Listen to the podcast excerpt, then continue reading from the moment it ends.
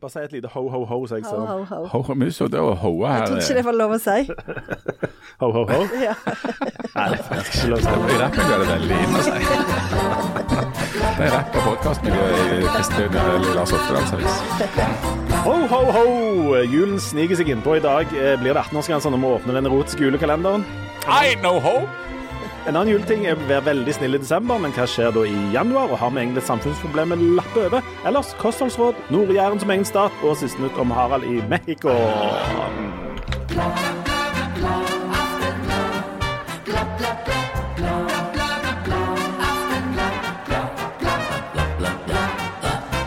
Hjertelig velkommen til Artblad. Blad. Eller hva det nå heter. Det er Vi har holdt på i fem år, skulle tro du visste hva vi heter.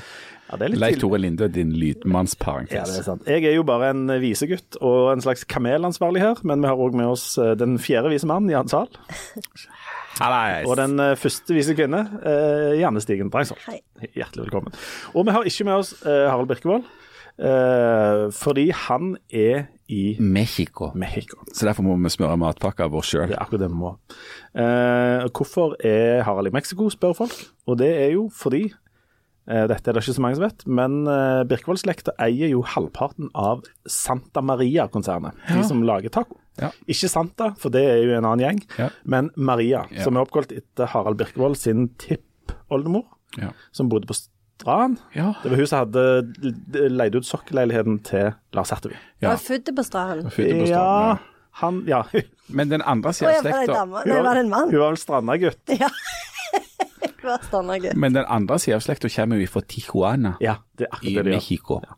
Men Så- eh, ja, Og der er det jo så varmt. Nå? I Eller alltid? Tijuana der er det alltid varmt, og Ja. voldsomt tørt. Så også masse narkotika. Så der trives han. Det ligger altså sikkert. godt. Fordi at jeg så eh, forrige uke, så var det jo noen sånn sparetips i A-magasinet. Ja. Og da var et av de sparetipsene at du skulle ta ferie når ikke alle andre tok ferie, for da kunne du spare mye på flybillettene. Det høres ut som å være liksom universitetsprofessor. Da kan du gjøre det. For det er jo ikke Nei, så jeg bare lurer på om det er det Harald har gjort. Det er jo det. Det, det er sånn Sparetips nummer 34. Ja. Ja. Ja, Men, men han, er jo, han reiser jo til, til Mexico et par ganger i året pga. denne familiebedriften. Um, Harald har jo i mange år vært, hatt ansvar for særlig for mais. altså, Jeg trodde det var salsa de skulle se på nå, at de, mulig og det. ikke dansen, men, men uh, sausen. ja, det, det er ingen som vet. Men, men Harald er i hvert fall der. Uh, på Instagram-kontoen vår så kan dere følge Harald nærmest minutt for minutt. Og se hva slags ellevilt liv han Men- lever. Men han har ikke mista mobiltelefonen. Jo, Han påstår det, men det kommer utrolig mye info allikevel. Han er reist med en fotograf.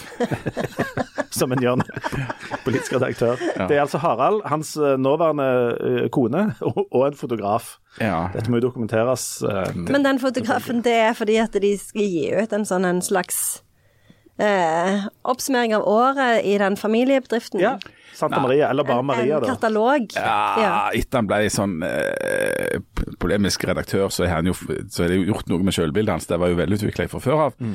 men nå har det utvikla seg enda mer. Så han er gått liksom inn i sporet. Han har snakket at han, om at han føler seg veldig inspirert av John F. Kennedy og, og Barack Obama, for Mm. de var veldig sånn fotograferte presidenter.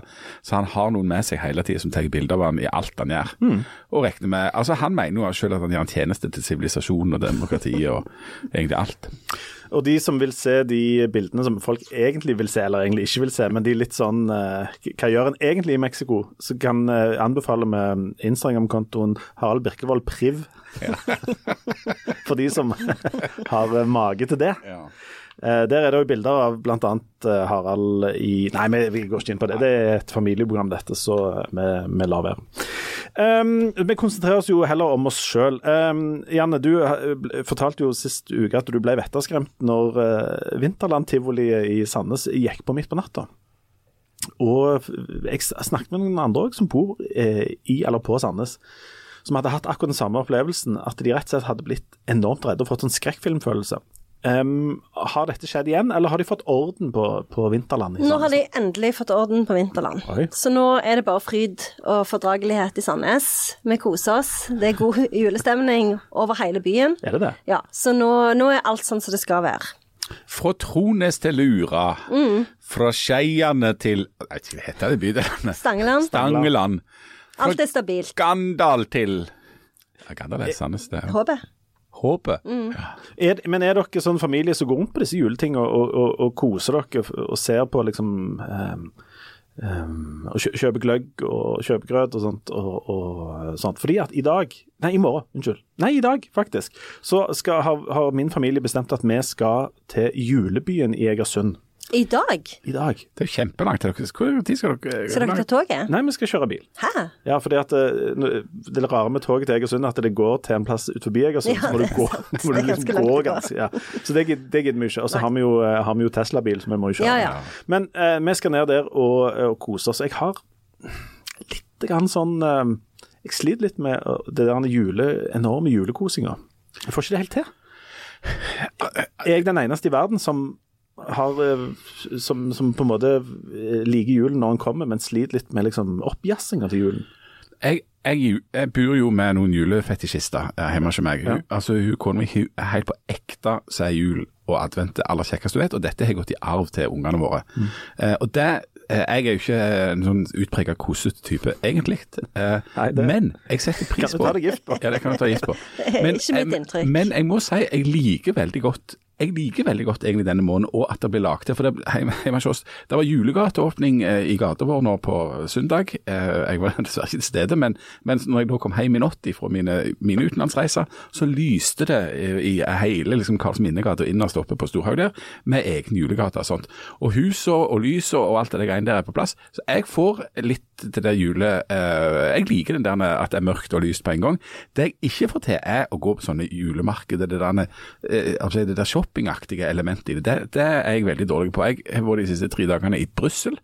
Eh, på mange måter en forferdelig plass. Eh, der var det sånn én grad og sludd og mot, motvind og, og sånn som det der. Og voldsomt mye sånn julebode overalt. Altså Sånn som jeg mistenker at det er i denne julebyen. For det er sånn julebygreie det er at du har masse sånn boder som står ute der de Ja. selger noe halvlunka eh, kaffe og pølser og et eller annet sånt som dette, og masse sånne ting du ikke trenger. Det er jeg dårlig på. Men, men sånn i heimen og de private og sånt, det liker jeg jul.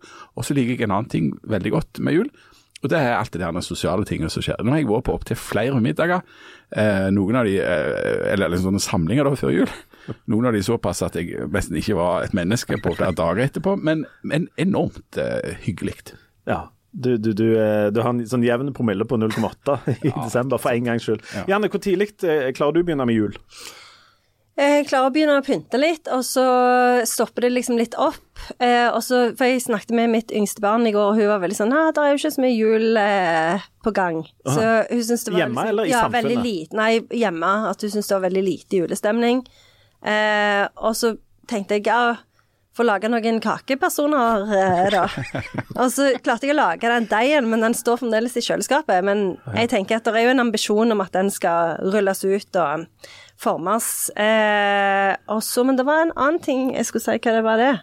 Eh, ja eh, Nei, jeg syns det er veldig hyggelig med jul, jeg syns det er veldig fint. Men vi, eh, har, eh, har ikke vært på sånn juletreåpning i, i år. Nei, Så sånn det er vel kanskje For vi har pleid å gå på det. tending av granen. Tending av granen, ja. Så, eh, men da, for dette meg og hun Therese som jeg jobber med, vi hadde sånn teatersalong om jul på Rogaland Teater Ah. i helga, og det syns jeg var veldig fint. Eh, det var veldig sånn god stemning og folk og glede og sånn. Men eh, jeg tror jo, hvis du skal på det der eh, julemarkedet, det er vel å kjøpe en sånn en veldig stor kakemann.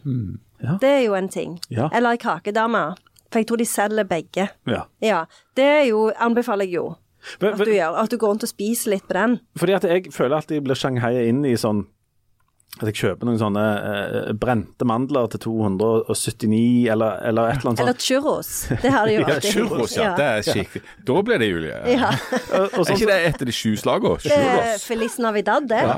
og, og, og i Stavanger, det er jo sånn boder begynt å komme sånn i Stavanger òg. Der er jo ei av bodene gyros, Ja. Ja. som jo òg er et av de Det er jo slagene. òg sju slag. Det er- Og det er et av de sju slagene som gjerne ikke lager sjøl så ofte. Nei, det er veldig Det er churros, gyros, tacos, enchiladas, Ja. kakeperson, Ja, og pizza. pizza og brent mandel. Ja. Ja. Det, det er de vanlige. Og, det, og du skal stå opp ganske tidlig hvis du skal få lagd alle sjøl. Ja. Og derfor er det greit med de bodene. Og, og eh, et sånn, eh, en del sånn koreanske retter. Kimchi, det er jo det åttende Kimchi i slaget. åttende slaget. Ja. Og, men òg Jeg har noen sånn koreanske pølser på en sånn stikk i Sandnes. Så det er det niende slaget. Koreanske pølser på en stikk. Ja, sånn en stikk. Ja. Pinne. En pinne. Er dette i vinterland? Ja. OK. Så det er det niende slaget. Ja, og, og det er jo det altså, noen ganger, ja, altså Julen er jo for så vidt kommersialisert litt grann fra før av, Ja, eh, men, men på stadig nye måter. Og jeg, ja, så jeg, men jeg er jo generelt dårlig på sånn kjøping av ting. Men du liker jo kapitalismen, så du burde jo være den som kjøpte aller mest. Ja, men jeg ser òg at, at tilbud skaper etterspørsel vel så mye som etterspørsel skaper behov, eller hvordan det blir. Ja, Jeg tror det var det det Max motsatt? sa. Jeg spør meg igjen. Ja. Er det, er det sånn kontroll av produksjonsmidlene inni der, eller? ja, det er noe hvem som skal ha kontroll også, ja. Nei, men jeg kan love deg at Marx aldri var på sånn åpning av Vinterland. han hadde ikke vært Han, Vinterland. eh, Han han var jo veldig Han var jo ikke en familieperson i det hele tatt. Carl, Ja. han fikk jo Var han bror til The Marx Brothers, eller er det de sønnene? Det er søsk søskenbarna. Det er søskenbarna til Marx Brothers. På mors side. Ja, for de var gift. Marx, ikke Ja, sant? ja. Nei, men altså um, det- Dette julegreiet Det er jo noe litt sånn ehm, ehm, i, altså I går var jeg på sånn juleavslutning på skolen. Og, og når du, særlig når, du begynner, når dine egne unger begynner å bli voldsomt gamle, og du må sitte og se på veldig mange andre sine unger eh, snufle fram et eller annet sånt julespill og sånne ting, så får jeg, jeg, jeg klarer ikke la være å ha litt sånn ironisk distanse til det. Men så Men jeg tror innerst inne at jeg syns det er ganske koselig. Problemet mitt med dette er bare at det det, var, det varer jo veldig lenge. Altså, du, du, det skal være veldig koselig over veldig lang tid. Eh, helst gjerne ei uke før sånn julekalenderen sånn begynner, så skal vi begynne å, liksom, å kose oss. Og hjemme hos oss begynner de å høre på julemusikk eh, liksom, i høstferien. Eh, og da er det eh, du mangler litt på tanken da når, når selve julen kommer. Da er du kost ferdig. Faktisk, jeg, Mitt ene barn sier jo at uh, hun, hun liker egentlig julen helt til han kommer, og da, da er det ikke så koselig lenger. For det er denne Ja, ja, ja. sofakosinga som er hos der, er det både bakt altså flere slag allerede, og de, og de satt eh, og holdt på med julemusikk. Eh, eh, altså, jeg tror de brukte en sånn åtte-ti timer på å pynte de der eh, pepperkakemennene. Og det eh, øves til julekonserter, og der skal framføres og der skal høres på, og det er en, et voldsomt register innenfor eh, det julete. Så jeg, altså, jeg er jo der òg, da, som, som på de fleste områder i livet mitt, en slags observatør eller turist.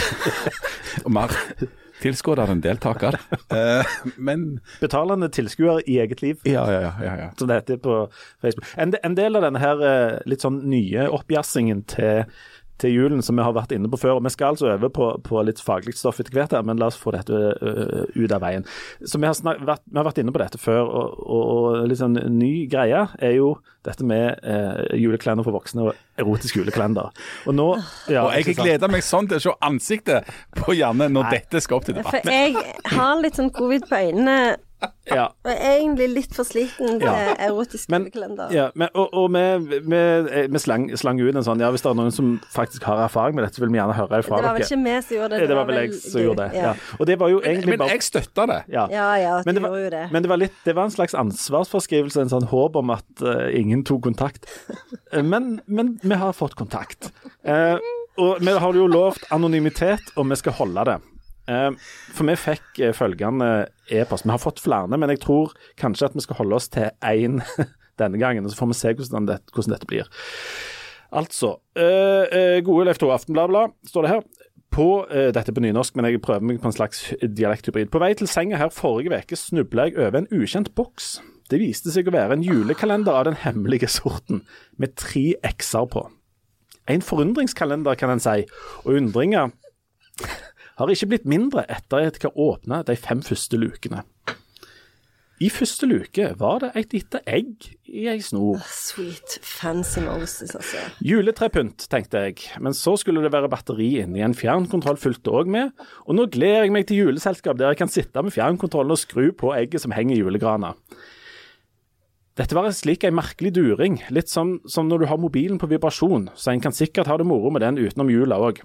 Kanskje snike den opp i vesker eller jakkelommer til intetanende, og så trykke på fjernkontrollen. Det Det, var jo verdens lengste brev. Jeg syns det er en kjempemail. Men det er bare første luke. Bak Det var bare første brev. 23 igjen. Men hør nå. Bak luke nummer to var det en slags smørekrem. Greit å ha om en skal trekke røyr eller ledninger gjennom. Skulle tåle vann òg, men det skulle jo ikke være nødvendig. Praktisk når vi skal fikse det elektriske på hytta. Den tredje gåva var noen pinner og ei flaske med væske. Kanskje en kan bruke det som blomsterpinner, og at det er en type gjødsel. Noe, eh, noe skal iallfall eh, vokse her, tror jeg. Spennende. Den mest praktiske til nå var i den fjerde luka. Der sto det mini-wand på pakken. Mini-wand. Ja, altså engelsk. Mini-wand. Du som jobber med engelsk Eh, språk. Fuck you. Ja. Og Ja, ja, Inni var det et massasjeredskap. Det var, godt, um, det var godt nissemor hadde fått med seg at jeg er så stiv, for nå kan jeg bruke den til å stimulere meg sjøl i nakken og korsryggen. Kom med ladekabel òg, så den skal jeg bruke godt. Så var vi kommet til 5. desember, dagens pakke. Det er liksom hver eneste jeg, dag jeg, vil, jeg håper vedkommende sender på alle dager. Der var det noe som heter badebomba, og det hørtes noe skummelt ut. Kanskje jeg skal teste det ut på Sørlandsbadet. Tenk for et smell det blir. Og så Det- skriver Ungene mine drev på med sånn badebombe i en periode. Ja. Jeg tenkte aldri på det som Det høres ut som en kombinasjonskalender. Jeg skal komme tilbake med flere oppdateringer om de ønsker det. eh, Absolutt. Eh. Og det vil vi jo ha. Ja, det vil vi ha. Um, vi har òg fått, uh, fått flere som har testa varianter av dette her, og uh, det er mulig vi kommer tilbake til det hvis vi orker. Men det virker jo som om denne personen i alle fall hadde fått en, en slags sånn praktisk nytte av disse tingene. Det, altså det det, dette høres ut som noe praktisk som det er, er fint å ha til å ordne praktiske problemer som du Ja. Og eh, altså Ad omveier så kom denne e-posten Fikk den meg til å tenke på um, alle de tingene som en gjør rundt julen som en gjerne ikke gjør resten av året. Ja, ok. Jeg skal, jeg skal pensle dette inn på, Er dette som en del av julekosen?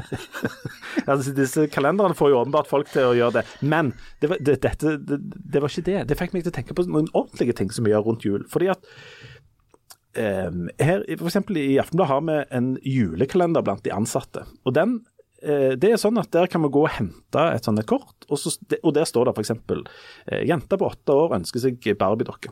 Og Så er på en måte kalendergaven at vi kjøper en presang, og så blir den lagt under et tre. Og så blir den distribuert ut til folk som eh, trenger dette.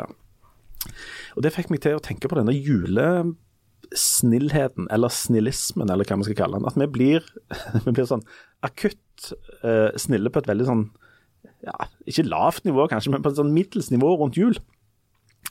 Uh, og jeg, jeg, jeg gir jo sånn ekstra til, til all slags nødhjelper og Palestina og Barbie-dokker og sånt rundt jul, fordi at jeg føler nå må vi, ja, det er så mange som har det så tungt rundt julen og sånt. Jeg, har dere det på samme vis, eller er dere iskalde eller kjempesnille hele året? Eller er det en juleting? Jeg er iskalde og prinsipielle. Du er iskald Så jeg har fast trekk til de eh, tinga som jeg mener det er verdt å gi noe til, et par ting, alle månedene i året. Ja. Der er det akkurat likt. Men jeg- Men så her en dag faktisk så jeg en annonse for, for eh, Det var bilde av Bettan eh, Andresen med bart på. eh, og der det var en sånn Du kunne skanne en sånn kode for å gi til prostataforskning. Så da ga jeg en liten skjær til det. Du gjorde det. Ja, Just in case. just in case. Det er ingenting Jan er iskald, bortsett fra Bettan. Ja, da, og, Bettan og som med er bart, ja. Ja. Jeg smelter. Ja. Gi meg et bilde av Bettan med bart, Så smelter jeg. Men, men, men jeg gir jo julegaver til jul. Ja, det gjør du. Ja. sant? Ja. Men Janne, er, er, er, blir du sånn veldedig eh, rundt høgtiden? Eh, ja, men jeg, eh, ja, jeg gir òg fast, men jeg gir ekstra til jul. Altså, nå er det jo helt umulig å ikke gi ekstra, eh, fordi det er jo så mye fælt. Ekstra Ja. mye fæle ting som skjer. Så, men eh, eh, det er jo på grunn av Charles Dickens. I might that. Det var det vi gjerne snakket om før. Det husker jeg Ja, ikke. det husker ikke jeg. Nei, for at Charles Dickens, han eh, For dette eh, På 1800-tallet så var jo jul på vei ut. Fordi at folk eh, syntes det var Ja, det var veldig den mest upopulære høytiden. Fordi at folk hadde det så travelt. Så de syntes at liksom Ei, jul. Det er jo bare stress, vi gidder ikke å holde på med det mer.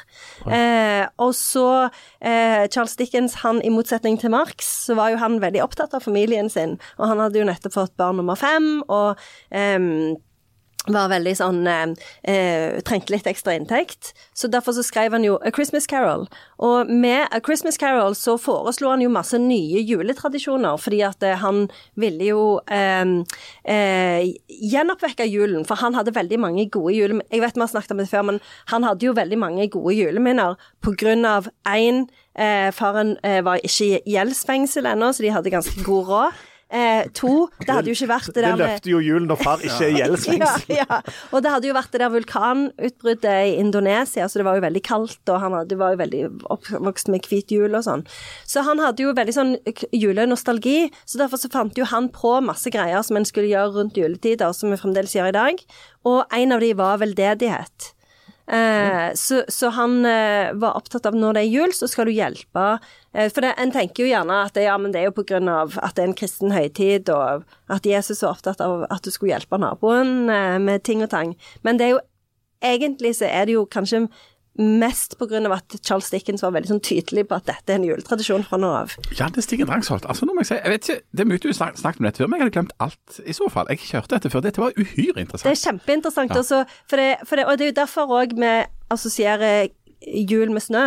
Fordi Charles Dickens, av det, på Ja. grunn av det vulkanutbruddet, og at han var vant med hvit jul, så eh, eh, var jo han Det må alltid være snø med jul. Og det er jo Jeg vet vi har snakket om dette òg før, men jeg må jo gjenta det, at det er jo òg derfor vi har Frankenstein. For det var jo derfor, av det vulkanutbruddet, at eh, Mary Shelley måtte sitte inne hele den sommeren. Det er jo 1816 var jo eh, the year without the summer.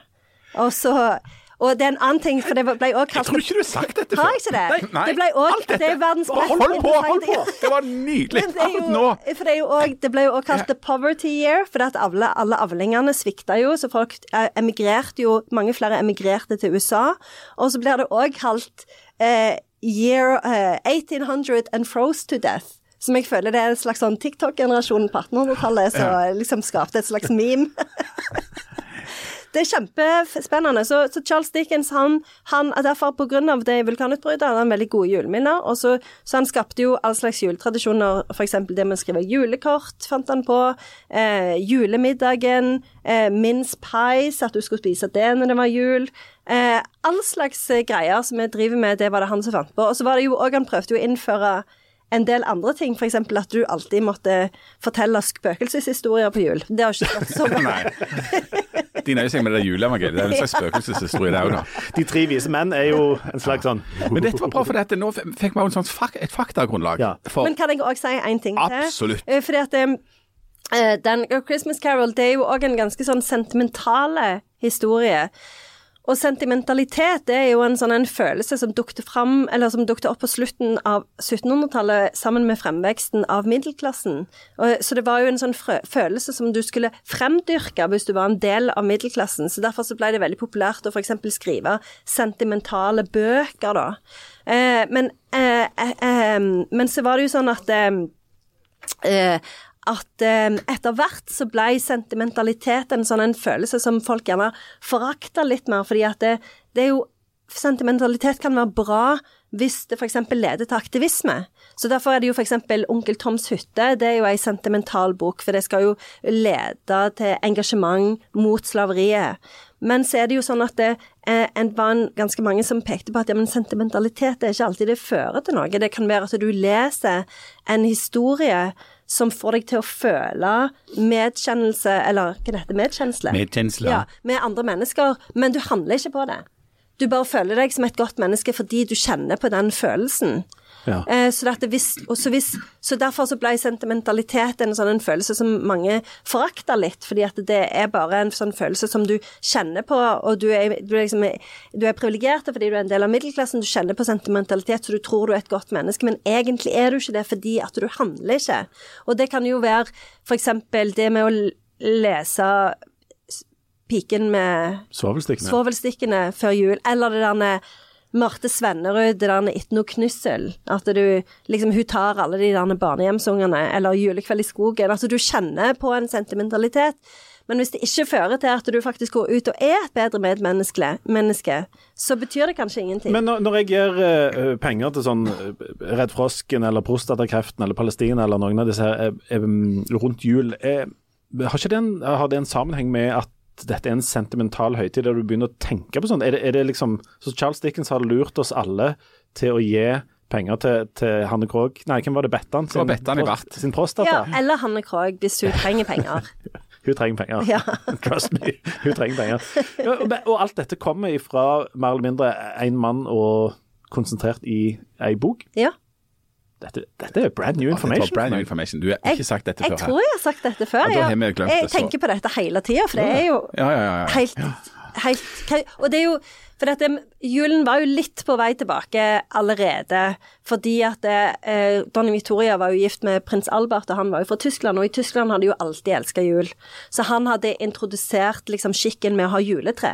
Så derfor så de jo, begynte de så smått med juletre. Men det var Charles Dickens som liksom fikk dette til å eksplodere, for det er en Christmas Carol som han tjente nesten ingen penger på, fordi han trykte den på veldig dyrt papir. Så han tjente nesten ingen penger på. Men den ble en kjempestor suksess. Og det med Charles Dickens er at han ble jo lest av alle.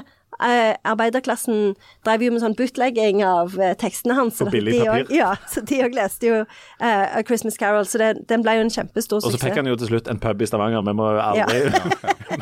må aldri glemme det. Men uh, det, dette er Altså, den um, Julen er jo full av sånne faste fortellinger og sånt. Den Christmas Carol, er den um, relevant i vår tid? Ja, den er jo det, fordi det er jo eh, eh, Han er jo Han er Charles Nei, jeg mener Ebenezer Scrooge. Han er, har jo et litt for lite hjerte, Mm. så han eh, tenker jo bare på penger. Eh, og eh, eh, at juleboden hans skal gå bra. Så det, derfor er det jo Har han eh, en sånn churrosbod eller gyros? Så han må, jo, han må jo forstå at han som menneske kan gjøre en, en forskjell i andre sine liv, hvis han eh, åpner hjertet sitt. Og det er jo nesten Det er jo den fortellingen som, som aller mest Altså som, som danner malen til nesten alle julefortellinger. Ok, men så, så, så dukker jo da uh, julen opp og desember opp, og vi er blitt lurt av Charles Dickens til å være uh, snille i veldig sånn uh, kortvarige greier. Men jeg er, jo ikke, jeg er jo ikke like snill i, januar. Nei. Og, og Det var sikkert ikke Ebenezer Ja, er Scrooge heller. Jeg, jeg har fast trekk. Altså, jeg, jeg sentimentaliserer ikke dette, jeg bare trekker fast. ja. Men det er jo ikke bare det med pengene. Eller det, det er jo ikke bare Det, det er jo med å liksom det, Du merker jo Jeg syns jo det er veldig hyggelig sånn når du går inn i butikker og sånn, så er det jo ofte folk litt ekstra blide når det er ja. jul. Og sier liksom god jul og Vil du kjøpe er noe? Ekstra hyggelig. Jo, jo, men det Jeg syns det betyr ganske mye, den der den der lille det, det lille smilet. Men hva er det som skjer med deg i januar, da, din iskalde fisk? Nei, eh, det det er jo bare det at denne, denne tanken flyger litt over. og Jeg syns det, det er lettere å mobilisere altså jeg tror my- Det er mye lettere f.eks. å mobilisere til sånn gi en jul-prosjekter. Altså, altså sånt eh, hjelp de som trenger noe i desember enn det er i januar. Og så, eh, I januar så har du jo alle regningene òg, så, Ja, så skal- at- da er det forsikring ja. og sånn. tenker at disse folka som, som trenger alt mulig, og som gjerne da får en håndsrekning i julen, de trenger sikkert den hjelpen enda mer i januar og februar og mars og sånn. Og da er det den litt sånn mørke den der skyggen av at du er veldig på tilbudssida rundt jul, er at eh, jeg lurer på om vi lapper over noen sånne ting som egentlig burde ha hjulpet hele året. Og da er gjerne Jan sin metode om å gi jevnt, altså et fast trekk til Bettan sin prostata hele året. Det er gjerne en bedre metode egentlig enn å være sånn bråsnill i desember. Det er jo mer sånn Jesus sin uh, strategi. For det var jo ikke Jesus som sa at du skal være ekstra grei når det er jul. Det var Dickens. Jesus gikk mer for jevnsnillhet. Men nå, nå ble jo dette her veldig sånn harmonisk og julete og sånt, eh, så dette her, det er jo Ja, dritkjedelig det kjedelig. eh, dramaturgi. Så bare for å bli litt Ebenezer Scrooge Ja. uh, her, f- så setter du opp noe som høres ut som en ekte motsetning, eller som et ekte problem, men som jeg mener er en falsk motsetning. Ja. Altså, og, og som toucher noe av det som er en av de store debattene for tida, som handler om, om da, altså graden av, av både eh, fattigdom og hvordan en avhjelper dette, og matkøer og, og alt dette greiene her. Og spleisa, ikke minst. Spleis er jo et godt eksempel på dette. Eh, den der spleisen som var f.eks. til denne Bamsegutt. sant? Tingen er det du, altså, Vi har lagt til et voldsomt godt system i Norge i dag, der vi har kanskje verdens mest omfattende velferdsstat. Eh, og han er kanskje for bra for tida på en del områder. Derfor er det veldig sterke rykter eh, om at regjeringa i dag, på torsdag, kommer til å innstramme f.eks. Eh, ordningene for ukrainere som kommer til Norge. Fordi at våre ordninger er omtrent dobbelt så gode som de f.eks. i Danmark. og Det fører til at det kommer omtrent dobbelt så mange ukrainere hit som til Danmark. Eh, men, men tingen er, skal det være sånn at vi skal ha et samfunn der vi skal basere velferden og om, om folk har det godt på at enkeltpersoner skal drive og være greie. om de enten skal gi en spleis, eller de skal gi en middag, eller gi en eller annen gave som henger på et eller annet juletre eh, på jobben. Så, eh, altså, det løser det løser, no, no, no. Det løser ett måltid. det løser, det løser ett måltid, og så føler vi oss veldig godt eh, fordi vi har bidratt med et eller annet. Men det løser ikke problemet. Eh, eh, tvert imot så kan det godt hende at det, at det, det forstyrrer og forkludrer det som er det faktiske problemet. Eh, Anne Rokkan, kommentator i Dagens Næringsliv, skrev eh, godt eh, og innsiktsfullt om dette når det gjaldt altså da Bamsegutt, som var en sånn spleis eh, greia da. Eh, sant? Altså Du får et sentimentalt program på TV som vekker en masse følelser i en masse folk, og så blir det oppretta en spleis av, av ei på Vigrest, og så, er, så blir det gitt altså omtrent fire millioner kroner. Og så kommer det fram at han har gjort eh, Han er dømt for noen ting for eh, 30 år siden som gjør at noen får trekke tilbake dette. Og, og, og, og Rokkan påpeker at du løser egentlig ikke altså det som er meint å løses i velferdssystemet eller staten. Så, for Du kan si hva du vil om Nav, men der er det en form for konsekvens. Der får du hjelp hvis du oppfyller visse kriterier, helt uavhengig av hva du er. Det er ikke fordi at du har vekk noen spesielle følelser hos noen eh, at, at, du får dette. Og Så, så var det debatt på Dagsnytt 18 der hun for Vigest svarte voldsomt godt, og, og, og sa noe som jeg tror er helt sånn reelt, at vi får jo glede av å hjelpe. At det ligger i, i, i på en måte grunninnstillinga vår en slags at vi har lyst til å hjelpe folk. Og, og det er jo flott, det. Men, men, det er ikke det som skal hjelpe folk, f.eks. i matkø. Ja. Og Nå er det jo mye diskusjon om disse matkøene, og, og er det økende fattigdom og, i, i, i Norge. sånt. Tre av fire som står i de matkøene er utlendinger, eller folk med utenlandsk bakgrunn. Eh, 40% av de er ukrainere, eh, 13% er syrere. altså så Bare de to gruppene utgjør over halvparten. Eh, det stemmer ikke, som Olaug Bollestad f.eks. sa i sommer, at de som står i matkø er folk der begge to har jobb. Det er omtrent ingen som står i de matkøene som har tilknytning til arbeidslivet. 13% ifølge en ny Fafo-rapport har en eller annen form for tilknytning. Det er ikke fulltidsjobb, men at de jobber bitte litt. Sånn at løsninga på fattigdomsproblemet, eller at folk har det dårlig, er jo ikke at vi gir dem et måltid eller en gave eller noe sånt på sånn privat basis. Det, det, det store svaret der er arbeid altså å få folk inn i arbeid. Eh, og, ikke, og, vi kan heller ikke løse dette med å, å øke alle eh, trygdene og velferdsordningene. Eh, for på et visst tidspunkt er det, er det ikke bærekraftig, og det er derfor de strammer inn overfor ukrainerne. For nå kommer det kolossalt mange ukrainere. Men av 44 000 voksne ukrainere, så er bare 5000 i jobb i Norge. I Danmark er halvparten av de voksne ukrainerne i jobb. Sånn at det er, det er, noen ting vi sliter med her. Eh, og, og, og, fattigdom, selv om det er et litt uh, tuba og, og tubabelagt å snakke om det, henger veldig tett sammen med innvandring, rett og slett. Det er en, uh, en ny SSB-rapport, jeg elsker jo SSB, som viser Men du leser det ikke alltid helt riktig? Ja, jeg, jeg, jeg leser det helt riktig. Uh, som, som, viser uli, ulikheten på, på utviklinga i, i altså Som viser Sverige og Norge, som har fått flere eh, altså barn i vedvarende fattige familier, mens i Danmark og Finland har han ikke hatt det. Det som er den store forskjellen, er innvandringspolitikken. Eh, så, så, så, hvordan, og, og, det handler om yrkesdeltakelse og arbeid. Hvordan, ja. men, ja, så, så, det, er, det, er det som løser problemet, ja. ikke at vi stapper noe i en sånn julegryte. Nei, men det, og det, det, er jo der den der, den der sentiment, sentimentaliteten rundt julen kom inn. fordi at eh, jeg, jeg er jo egentlig òg litt sånn at Eh, i, i, januar så har jeg kan godt vippse til, til, til Palestina, nødhjelpen og alt dette her greiene i desember, mens jeg òg i januar, da ender jeg opp med sånn Du kunne gjerne gått bort til en tigger og lagt oppi en SSB-rapport mm. og forklart liksom hvordan ting henger sammen. Tigging fungerer jo veldig dårlig for tida. Du har prøvd? Nei, men det er jo ingen som har cash. cash. Ja. Ingen som har cash, nei. Du nei. må vippse, vippse ja, tigger. Det er jo, og det er litt med vippsa folk som ja, Og det løser heller ingen problem. Nei, men, men, samtidig så må vi jo ikke ta fra folk eh, denne muligheten til rett og slett bare å være snill i et øyeblikk. Sant? Nei, jeg er helt enig, men, men det er jo eh, sånn som Jan sier òg, at det er jo Altså, vi har jo et apparat i Norge, og jeg syns jo det var veldig interessant å høre på Tonje Brenna mm. denne uka når hun sa at eh, i Norge så skal det ikke være nødvendig å stå i matkø, fordi at du så, så, hun lurer på hvem, sånn som du sier, Jan, hvem er det som står i matkø. Så, eh, så jeg syns jo at det, For vi bidrar jo gjennom å betale skatt inn i dette systemet. Eh, og jeg syns jo òg at eh, NRK fokuserte jo veldig på dette her med denne dommen som hadde kommet fram i den Bamsegutt-saken. Men jeg syns altså det er jo kanskje litt rart at de ikke fokuserer mer på den der ensidige måten å fortelle den historien på. eh, som om Nav er et slags sånn monster. Og det, og det synes jeg altså Det var flott du sa det der, for det, det er jo den usentimentale måten å lage et velferdssamfunn og lage sivilisasjon på. Det er å ha Du kan ha et, et, fast trekk til Leger uten grenser i måneden, men vi har jo et fast månedlig trekk i skatt.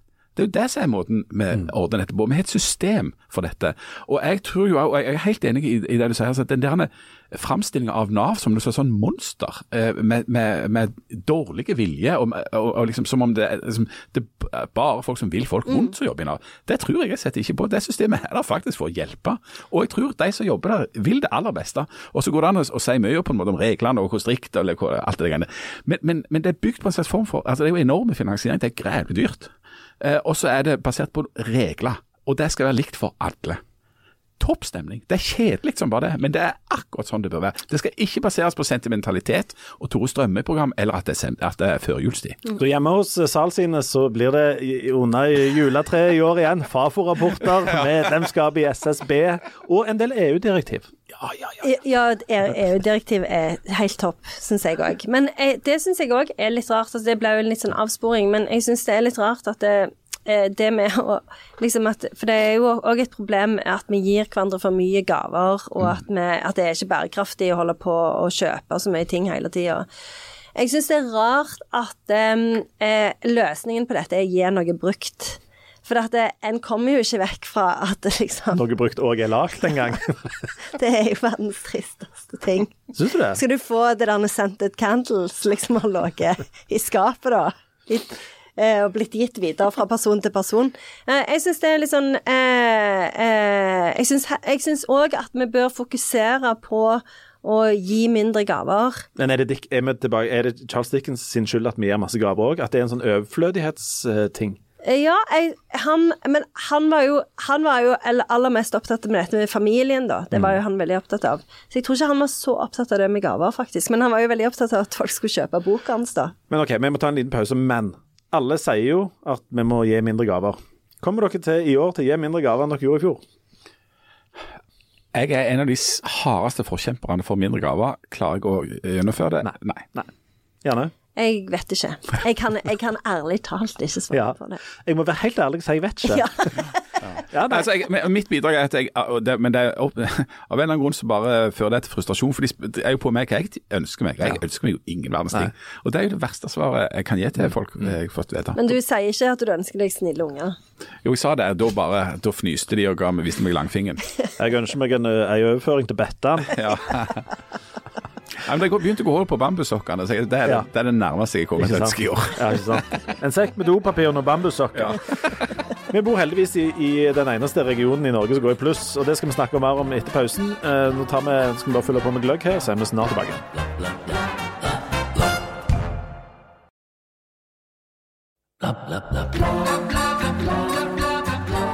Ja, hjertelig velkommen tilbake.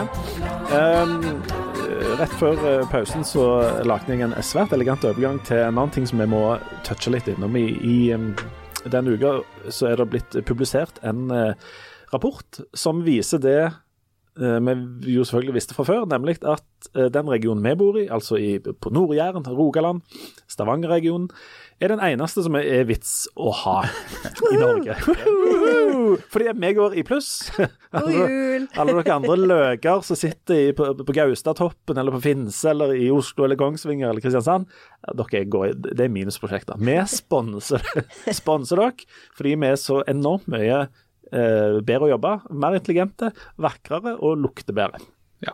Det er vel omtrent oppsummeringen av eh, dette. Nei, vet du hva. Eh, det, det, viser seg jo at ingen plasser i Norge blir det skapt så store verdier som her vi bor. Altså, Stavanger, eh, Selskaper i Stavanger-regionen hadde altså en total omsetning på nå blir vi litt sånn teknisk og pengemessig her, men på nesten 3000 milliarder kroner, som er ganske mye ifølge det som heter Økonomisk rapport, som er lagd av Universitetet og Næringsforeningen. For å være helt nøyaktig 2 milliarder 895 millioner 530 Nei, det er enda mer. 2895 milliarder 583 millioner 997 000 kroner. Det er ganske mye. Og hvorfor er det sånn at den regionen vi eh, bor og jobber i går så enormt mye pluss? Det er selvfølgelig av Olje og gass. Ja, det viste seg. Det var ikke verken journalistikk eller universitet eller noe sånt, men det er olje og gass.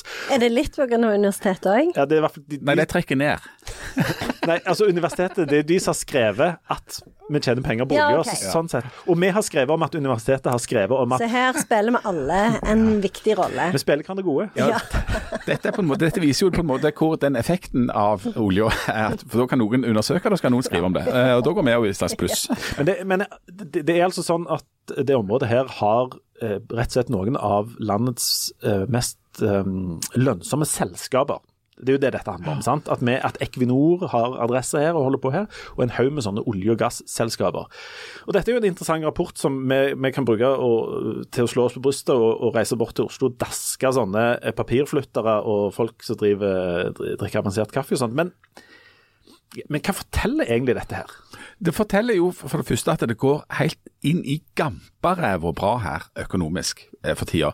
Det er jo en verdiskapning per hode i denne regionen som er hva var det, tre ganger så høy som Altså, en innbygger i denne regionen skaper dobbelt så mye verdi som en innbygger fra Oslo, Bergen og Trondheim til sammen. Ja. Altså, det er sånn, det er så crazy banana at det ligner ingenting. Det handler jo om at, det, at vi er færre folk eh, her, men det er helt absurde enorme verdier.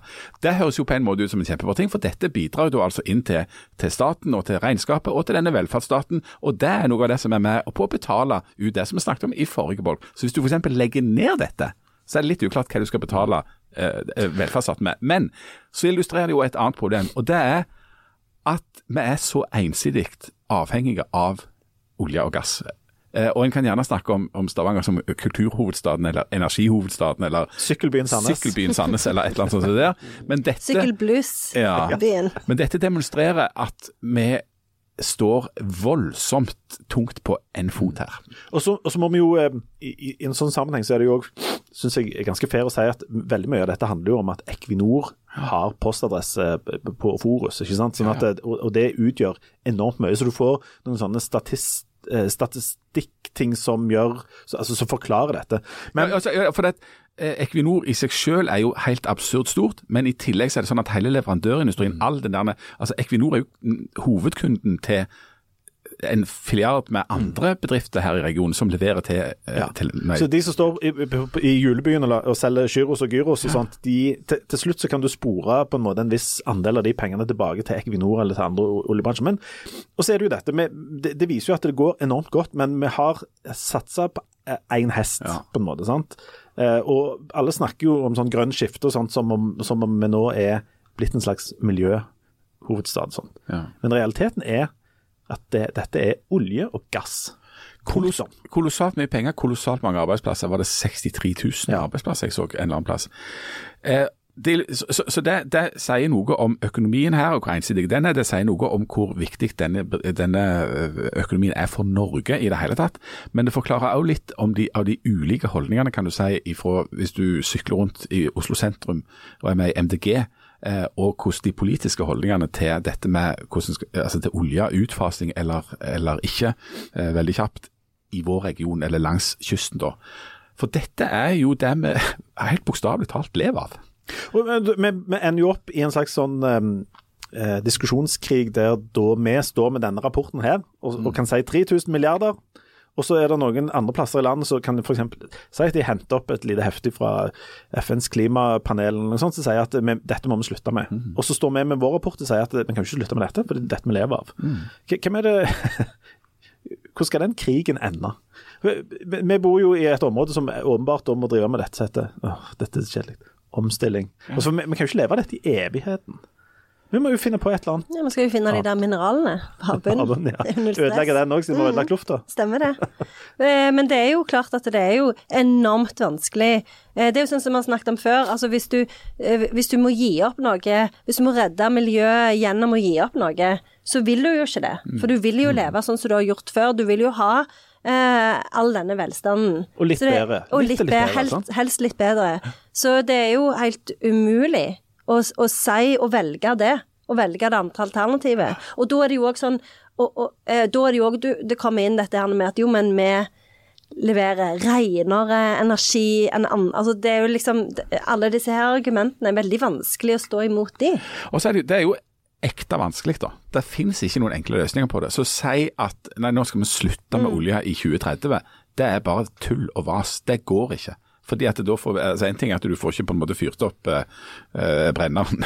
og liksom for, for, altså, verden trenger energi, så det er, det er en, en no-brainer. Samtidig så går det ikke an å ikke gjøre noe med eh, klimating. Eh, så hvordan du skal få de to tingene som ikke går i hop, til å å kompromisse i en eller annen retning som fører til et eller annet, det er jo himla vanskelig.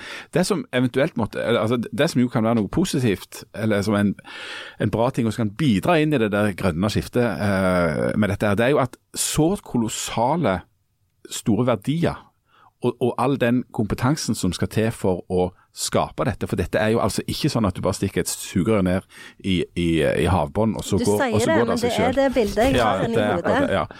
Men, altså, men, men, ja. men kombinasjonen av kolossalt mye kapital og kolossalt mye kompetanse er jo et godt utgangspunkt for å utvikle ting som gjør at en kan eh, komme seg videre, og som gjør at en kan få til det kompromisset med at en fremdeles klarer å skape energi på en eller annen måte, og at det samtidig går i pluss. For det er, er, penger til å investere, og det er kompetanse til å, å, lage. Samtidig så er det jo mange som har påpekt at når du har en bransje som går så eventyrlig godt, altså de tjener så helt hinsides med penger på olje og gass. Um, hva, og Så lenge dette går, og så lenge det kommer til å gå ganske lenge til altså Oljebransjen kommer til på et eller annet tidspunkt til å liksom fase seg selv ut, hvis ikke vi bestemmer oss for å gjøre det. Men før det så kommer dette til å gå godt. Hva, er da motivasjonen vår egentlig til å dempe det å flytte folk og penger fra en plass til en annen? For tjener, det, det, er jo dette vi lever av, vi kan ikke slutte å leve av det. Å flytte alle de folk og alle de hovene, alle de ressursene over til f.eks. Å, å, å utvinne energi fra potet eller asparges eller et eller annet. Det, det, er ikke så lett. Nei, men motivasjonen vil jo være et langtidsperspektiv som sier at markedet på et visst tidspunkt vil fase dette ut, fordi at det vil komme andre løsninger som vil overta for olje og gass. Hvis du da har kapital og kompetanse og jobber med energi, så vil det være et rasjonelt valg på lengre sikt, med tanke nettopp på eh, både bedriftens ve og vel og at vi har noe å leve av, at du prøver å være noen av de som kan tilby de løsningene som kommer til å gjøre at olje og gass på sikt kommer til å bli fasa ut. Og Det er jo det som er i, i Equinor sin langsiktige strategi, selv om, eh, selv om det utgjør bare en sånn mini, mini, mini, mini liten del av det nå. Eh, under 2 Under 2 sant? Men det er jo det de snakker om, og det er jo det de vil. Eh, og, men der åpner det seg opp noen helt uh, nye og, og, og, enorme diskusjoner. Er det da staten som skal betale for det, eller er det eh, bransjen selv som har alle disse milliardene? Hvem er det som skal subsidiere, hvem er det som skal ta sjansen på ting? Skal en subsidiere ting som ikke går rundt? Eh, skal en, altså, ja. Statoil hoppet jo av en, en, en vindsatsing fordi de mente at de statlige subsidiene ikke var store nok, så det var for mye risiko i det. det men, men, men, her er det jo enormt mye seg i spill, uh, og, og, og, enormt mange ulike forslag til løsninger. Tror dere en sånn en, uh, rapport som viser på en måte oljebransjen sin, uh, sin, sin, fulle glorie leses veldig annerledes her enn den gjør i, på Skøyen og i Kongsvinger og på Finse, og folk som ikke har et sånn, nett, nett, sånn nært forhold til denne bransjen, sånn som vi har? Jeg tror helt åpenbart det. Og dette handler, for å vende tilbake til Marx, som jo har gått gjennom hele denne sendinga Og Dickens. Og Dickens. Dette handler om nærhet holdt jeg på å si, til produksjonsmidlene. Du får et helt annet forhold til smelteverket når du står inne og kjenner varmen av ovnen og ser metallet renne ut. Du får et helt annet forhold til olje og gass når du er så tett på rørledningene, eller det er du som på en måte er med på å sende ned den denne krona, eh, vår krona, og, og, og, pengene kommer inn. som en, Du kan peke ut og se på helikopter som fyker ut. og du, altså det, Vi har nærhet, og det er en sånn fysisk nærhet og en, en helt sånn materielle opplevelse av sammenhengen mellom det som blir skapt altså det som, det som blir lagt og det som blir verdiskapningen av det som blir mye mer teoretiske når du fjerner deg fra det, rett og slett. Av de ti største selskapene i vårt område, så er ni olje og gass. Eller det de vil si da er energi. Uh, Hva er det tiende? Nei, skal vi se. Det Churros? Er vel, ja. Churros, churros og Churrosby. ja. Georgios Giros uh, Bu, uh, som samarbeider med José sin J Churros. JSD Churros og Gyros. Så står her. Janne Stigen har OK, akkurat, ja. ja. Det er et enormt foretak. Bedrifter over hele verden. Samarbeider faktisk med selskapet Maria, som importerer mais fra, fra Mexico. Hvis jeg ikke. Du, men, eh, Kan jeg si noe? Absolutt. Ja. Si noe ekkelt. Ja. og vent litt, vent litt. Handler det om erotisk julekalender? For jeg har en til av de nemlig som vi skal ta senere. Nei, ta, det, ta ditt først, da. Jeg hørte et sånn innslag på radioen denne uka om hvor de var nede der så all kloakken kom ut. Og der er det sånn berg av mais. Fordi at det mais, det kommer jo liksom Det blir ikke fordøyd. Nei, ikke i det hele tatt. Så hun var sånn, hva er det? Så de var sånn, det er mais. Og så når det har vært helg, så er det vanvittige berg av mais der nede. Det Fordi da har alle spist taco. Men er det, er det ikke noe nærings... Vi trenger ikke ete det, egentlig. Kan bare droppe det, for det går bare rett igjennom. Går rett igjen. Og dette er jo Uh, Altså, dette, hvis dette ikke er en folkeopplysningspodkast, så vet ikke jeg. Og dette er jo Birkevold-slekta og den genmodifiserte meisen, så han er nå i Mexico for å hanke inn, sant? Blir ikke fordøyd. Nei. Nei. Så det er, Der har Harald faktisk en jobb å gjøre. Jeg vil anbefale nå eh, alle som, har, alle som jobber i kloakken, til å sende den meisen til Harald Birkevold. Uh, jeg kan finne adressen etterpå. OK. Vi, vi, vi nærmer oss jo eh, eh, julen, og det, jeg syns det er en flott eh, Noen ganger så er, er timing en veldig fin ting. For eksempel at eh, de norske at, eh, kostholdsrådene kommer ut akkurat når du trenger de som minst. Det er jo et knål. Om, ja, jeg har tenkt det, at det neste som kommer med et kostholdsråd, den fyrer jeg. Men eh, har dere lest eh, kostholdsrådene? Jeg har vært i Brussel og brøt alle kostholdsråd. Ja, jeg har lest de, og så er det jo liksom sånn at det kommer alltid noen sånne oppfølgere. Ja. Så nå var det vel i går Dette spiser du for lite av. Ja. Og så kommer Fisk. de Ja, så går de Ja. Fordi, Men denne fisken er jo så syk og, ja. Og dyr er nå. og ekkel. Den der laksen, for eksempel. Ja, ja, ja. Kan du ikke spise laks nå? De som, de som svømmer rundt er flådde, fer, ferdig flådde. De, selv, de har, Norge lager sånn sjølflådd laks. Ja. Og det er så flådd. Han er så flådd. den laksen. flådd, den laksen. Ja, det er veldig flådd. Ja. Vi har veldig flott laks i dette landet. Ja. I mærene. Jeg elsker. Det er så hjemmekoselig til jul. Det pynter med julekola på mæreveggene, og så lyser det og blinker. det. Og Jultorska, den er selv, den er sjølflott. Ja, det er han mentor. Og mentor. jeg har sjøl lausa i. Men poenget, da Jeg vil bare, oppsummerer. oppsummere. Det, det, det er noen sjokkerende opplysninger i disse kostholdsrådene. For det, Ja, det er jo det med alkohol.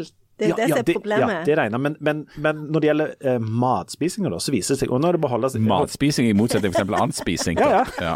Chewing on the grapes. Hæ? Nei, ja, ikke for, nå syns jeg ikke, men nå tar vi den erotiske julekalenderen senere. Um, unnskyld. Um, det var dette med ma- matspisinga.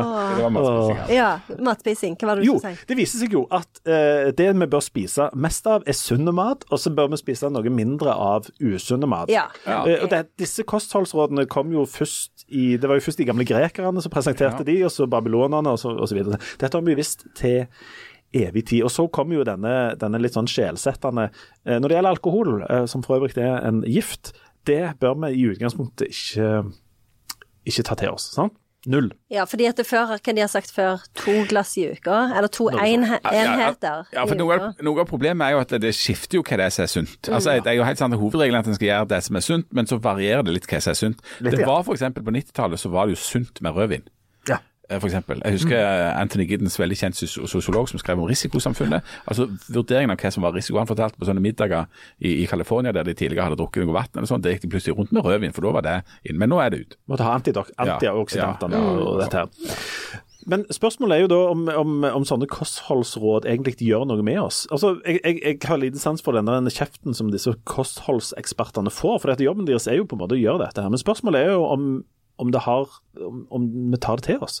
For hvis vi vet at uh, vi bør spise mer sunn mat og mindre usunn mat, uh, og, og prisen på på denne sjølflådde fisken, den er jo gått opp med 15% mens prisen på sjokolade bare har gått opp 4 og sånn. Så det er et sånn misforhold mellom det vi blir fortalt og den virkeligheten du møter eh, der ute. Og det er en sånn amerikanske, særlig amerikanske trend med at den billige maten, den usunne maten, og den, den, liksom, den helsefulle maten, den er dyre. Altså det er dyrere med um, asparges enn det er med chips. Det er dyrere med melk enn det er med brus. Og, altså, ja, hva skal vi gjøre da? Det er jo ganske interessant, fordi eh, George Orwell, han skrev jo oi, oi. om dette Vi Du flotte mener- referanser. her. Er både Orwell og Marx og Giddens og Ja da. Velkommen til Folkeopplysningens uh, spesialepisode Og av mais blir faktisk ikke Å, for deg. mais. Nei, nei, nei. Eh, han skrev jo The Road to Wigan Pier, som jo er ei bok som er delt i to. Hvor han eh, eh, I del én har han reist og undersøkt f.eks. gruvearbeiderne sine kår. Og så i del to så beskriver han sin egen middelklasseoppvekst. Og i del én så skriver han annet en del om kosthold, fordi at eh, eh, eh, arbeiderklassen f.eks. i Nord-England var jo eh, sånn konstant feilernært og hadde all slags sånn mangelsykdommer. Og grunnen til det var at når de skulle kjøpe seg noe mat, så kjøpte de god mat de hadde lyst på. Som ikke var sunn i det hele tatt. Men for de orka ikke å spise sunt, fordi de ville ha noe godt som de kunne kose seg med. Og der er, det er jo interessant, da. Der er vi jo litt, kanskje litt alltid som mennesker. Og det er, det er jo litt sånn, det er et klasse, altså Dette er et sånn klassespørsmål, spesielt i USA. Eh, fordi at det å ete sunt forutsetter både innsikt i hva som er sunt, og økonomi til å kunne ete på den måten. Eh, sånn at du, vil- se eh, eh, på tvers på om det er i Norge eller i Amerika, at det er en sammenheng mellom eh, altså livsførsel henger sammen med utdanningsnivå og økonomisk nivå, rett og slett. Eh, og Det paradoksale da er jo at eh, i motsetning til, til hva du kanskje skulle tro at det var de fattige som var eh, tynne og magre, så er det motsatt. At I USA så er det de fattigste som er de tjukkeste, mens eh, tegnet på, på rikdom og, og, og, og at du er et opp, oppegående og velutdannet menneske, det er at du er tynne og sunne, og at du har fått denne til denne innsikten. Og Det er jo en sånn, det er et, et et display av da eh, vellykkethet, og, ha, og, og i tillegg ha liksom en, en, en kropp som da er, er, er sunn. Og, og for da viser du at du har sjøldisiplin. sant? Du, for at det biologisk sett så er vi jo skapt sånn at det rasjonelle vil være å få i så mye sukker og fett som mulig, fordi at kroppene våre eh, er innstilt på det etter noen 10 000 år med noen steinalder og litt forskjellig. Eh, og så er problemet nå at eh, vi sitter for mye stilt til å kunne spise så fett og søtt som vi da har tilgang på veldig billig. Ja, og det er jo derfor en snakker om sånn food deserts, f.eks. i USA, hvor en har sånn storbyområder hvor det nesten ikke finnes supermarked, fordi at supermarkedene ligger utenfor byen, hvor middelklassen kan kjøre og handle inn stort. Så derfor, så hvis du er fattig Så er det i en sånn McDonald's igjen. Storbykjerne, så er det bare McDonald's igjen, ja.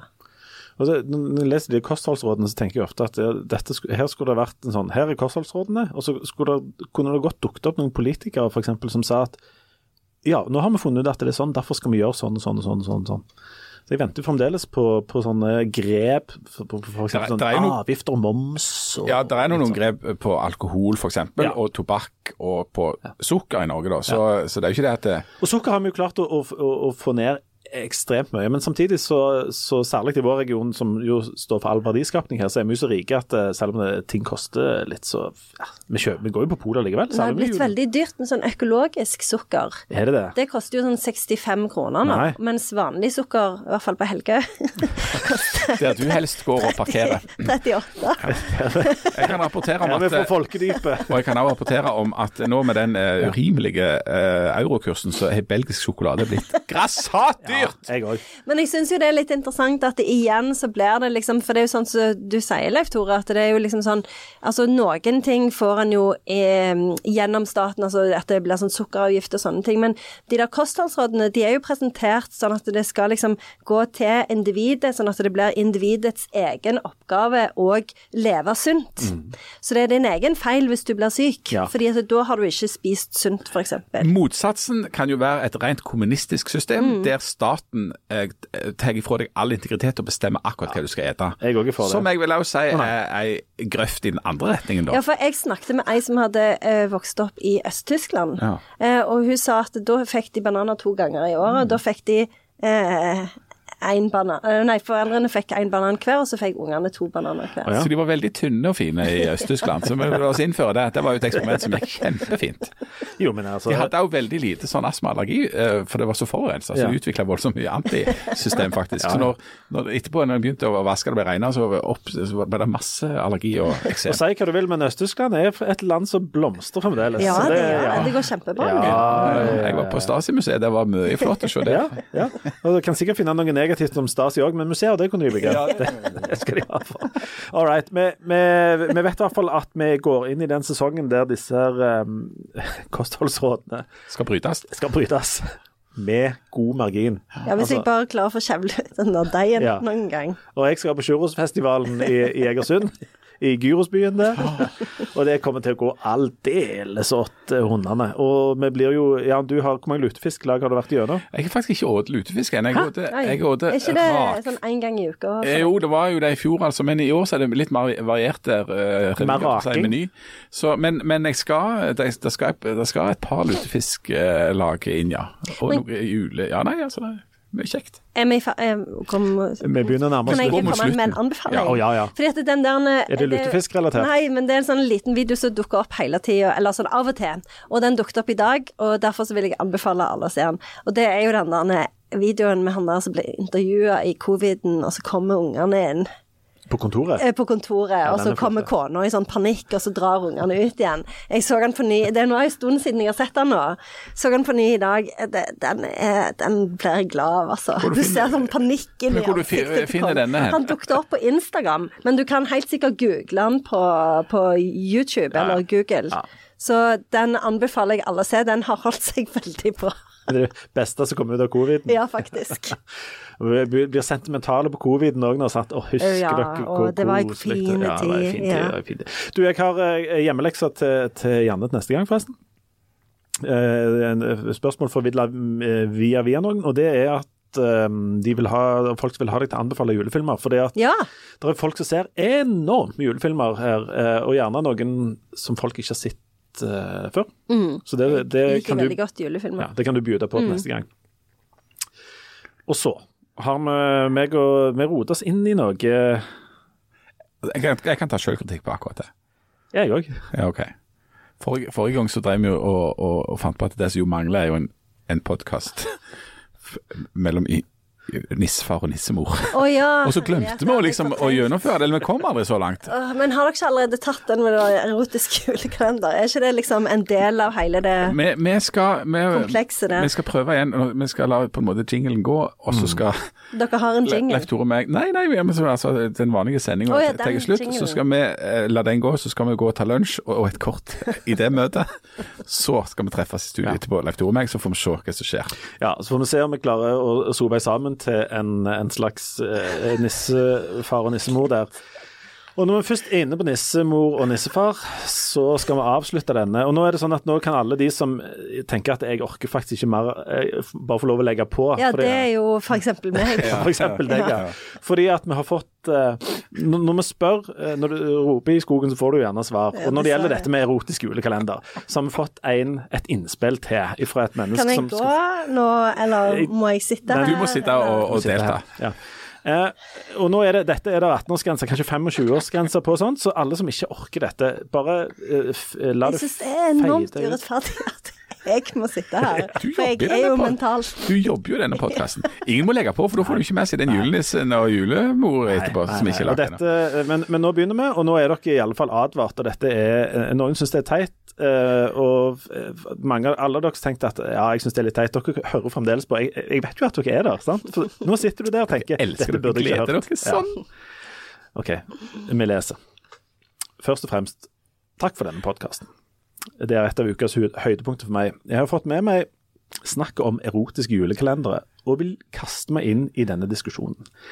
Jeg har ikke kjøpt en slik kalender selv, men etter et år, etter ganske alvorlig tørke i sengen, bestemte jeg meg et år for å gi mannen min ikke en julekalender, men en pulekalender.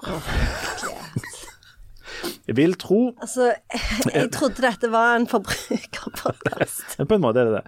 Vil tro at den funker ganske likt som en erotisk julekalender, eh, bare minus nye spennende verktøy. Vi hadde fått et par unger på dette tidspunktet, og jeg hadde ikke så mye overskudd til erotiske aktiviteter av en eller annen grunn. Av en eller annen syk grunn tenkte jeg at dette var en ypperlig mulighet for å sparke sexlivet litt ordentlig i gang igjen. Jeg skrev lapper med seksuelle oppfordringer til både meg selv og mannen, en for hver dag i desember.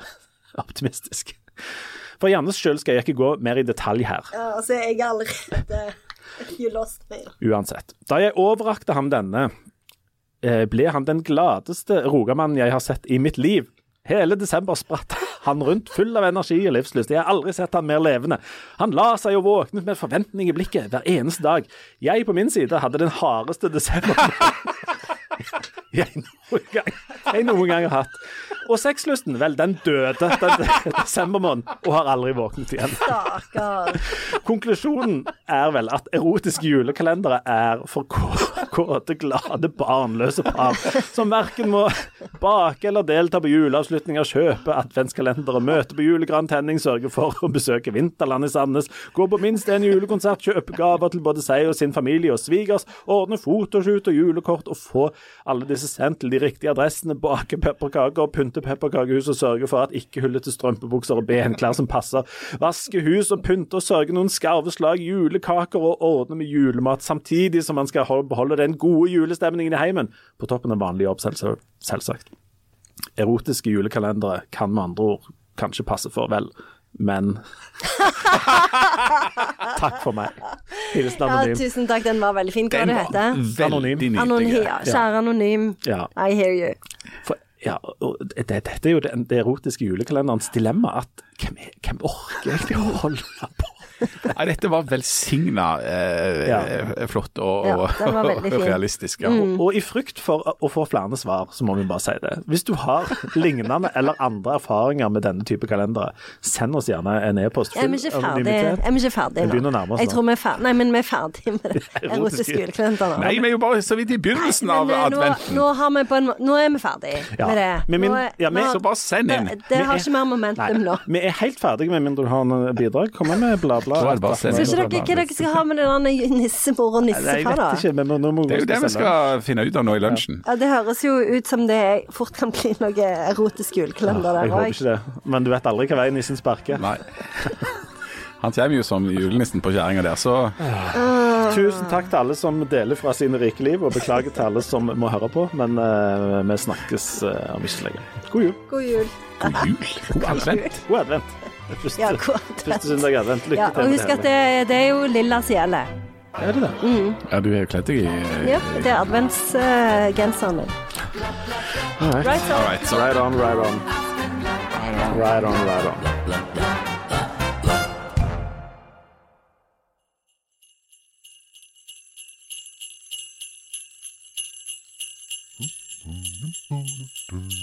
Ja, ho, ho, nissemor. Nå må du komme og sette deg ned litt. Sette deg ned! Du kan ikke sitte nå, Julius. Det er jo snart jul. Du må opp og få gang på deg. Du ler som en starv. Nå skal det pyntes. Ja. Skal, ikke bare komme og sette deg litt eh, ned i stolen. Vi trenger ikke stresse så mye med det i år. Julen går jo av seg sjøl, nærmest. Det er ikke så mye, med, ikke så mye som skal gjøres. Det Kom og ingenting sett som, deg. ingenting som går av seg sjøl. Så har du et julestjerne der på skakka. Det må rettes opp. Det er du som er høy nok. Jeg når ikke opp til det. Altså, alt må jeg gjøre. Bake og rydde og pynte og pynte og alt. Det er, ikke, det er ikke så farlig om julestjernene henger litt sånn på så, Det er ingen som bryr seg om det. Jeg bryr meg om det. Men du hører aldri på hva jeg bryr meg om. Det er bare jeg, jeg, jeg. Men eh, der igjen, ja. Det, det, det trenger ikke være så mye følelser knytta til, til, til jul. Det handler bare om å komme seg gjennom. Det er lett for deg å si. Du har ingen følelser. Jeg er full av følelser. Jeg er en ekte, menneske. Jeg er en ekte julenissemor. Ja, men Det trenger ikke være så mye følelser. Det, altså, det, det er ikke psykodrama, dette her. Det er ikke Olek og Per Kjærstad. Så, altså, vi, vi kan bare ta det helt rolig. Bare Sett deg helt ned, så snakker vi ikke så mye om det. Vi bare putter alle følelsene oppi denne sekken her, og så snører vi igjen. Og så en forvederlig roganisse, du. Du kan ikke snike snakke eller verbalisere noe. Har du tenkt på hvem som jobber og føler hele tiden? Har du hørt om det tredje skiftet? Det, det er bare et rykte. Altså, um, ifølge den tidsbruksundersøkelsen til Statistisk sentralbyrå og en del Fafo-rapporter som jeg har lest, så er det der tredje skiftet ganske overdrevet. Der, det er faktisk ganske jevnt fordelt, det der med, med hvem som gjør hva i, i hjemme og sånt. Så Men se på hvem som gjør hva når du bare ligger der. Jeg som må bake alt. Og i år skal vi bake churros og gyros også. Det har blitt to av de syv slagene. skal ikke bake churros og gyros til jul. Vi skal bake churros og gyros til jul. Og jeg holder det ikke ut. Og hva, hva er det der? Er det, er det rødt du har lagt fram? Det er lilla adventsfargen, det er ikke rødt. er ikke før på julaften. Vi kan bare, vi kan bare ha én farge. Det er ingen som tenker noe på det. Altså, Vi trenger ikke ha så mye pynt heller. Altså, jeg, jeg, jeg klarer nesten ikke å legge beina på, på, på, på bordet her med, med alt det der krimskramset som som du har lagt fram. Ja, men hvem er det som må lage alle julekalenderne? Hvem er det som... Kan du prøve å kjøpe 24 gaver, smågaver som skal være praktiske og ikke ubrukelige? Men til tre unger, det er tre-fire Jeg vet ikke hvor mange gaver det er. Jo, men Ah, ifølge, ifølge tidsbruksundersøkelsen til Du kan ta den tidsbruksundersøkelsen og stappe den oppi den svære rogodisrauen din. Der solen aldri skinner, og i hvert fall ikke før vintersolvær. Ja, nå er du er først inne på det, du, Nesmor. Når det gjelder dette med, med julekalender, vet du, som vi har Nei, vi skal ikke ha noen erotisk julekalender. Jeg føler meg ikke godt. Jeg tror ikke du egentlig liker meg. Jeg skal du bare ha sånne små Det Er det som liksom skal Nei. altså, Jeg tenkte det er så mange som har sånn erotisk julekalender. Du vet, Nei, den døren lukker vi. Nå må vi komme oss videre og pynte. Opp av sofaen. Kom i gang.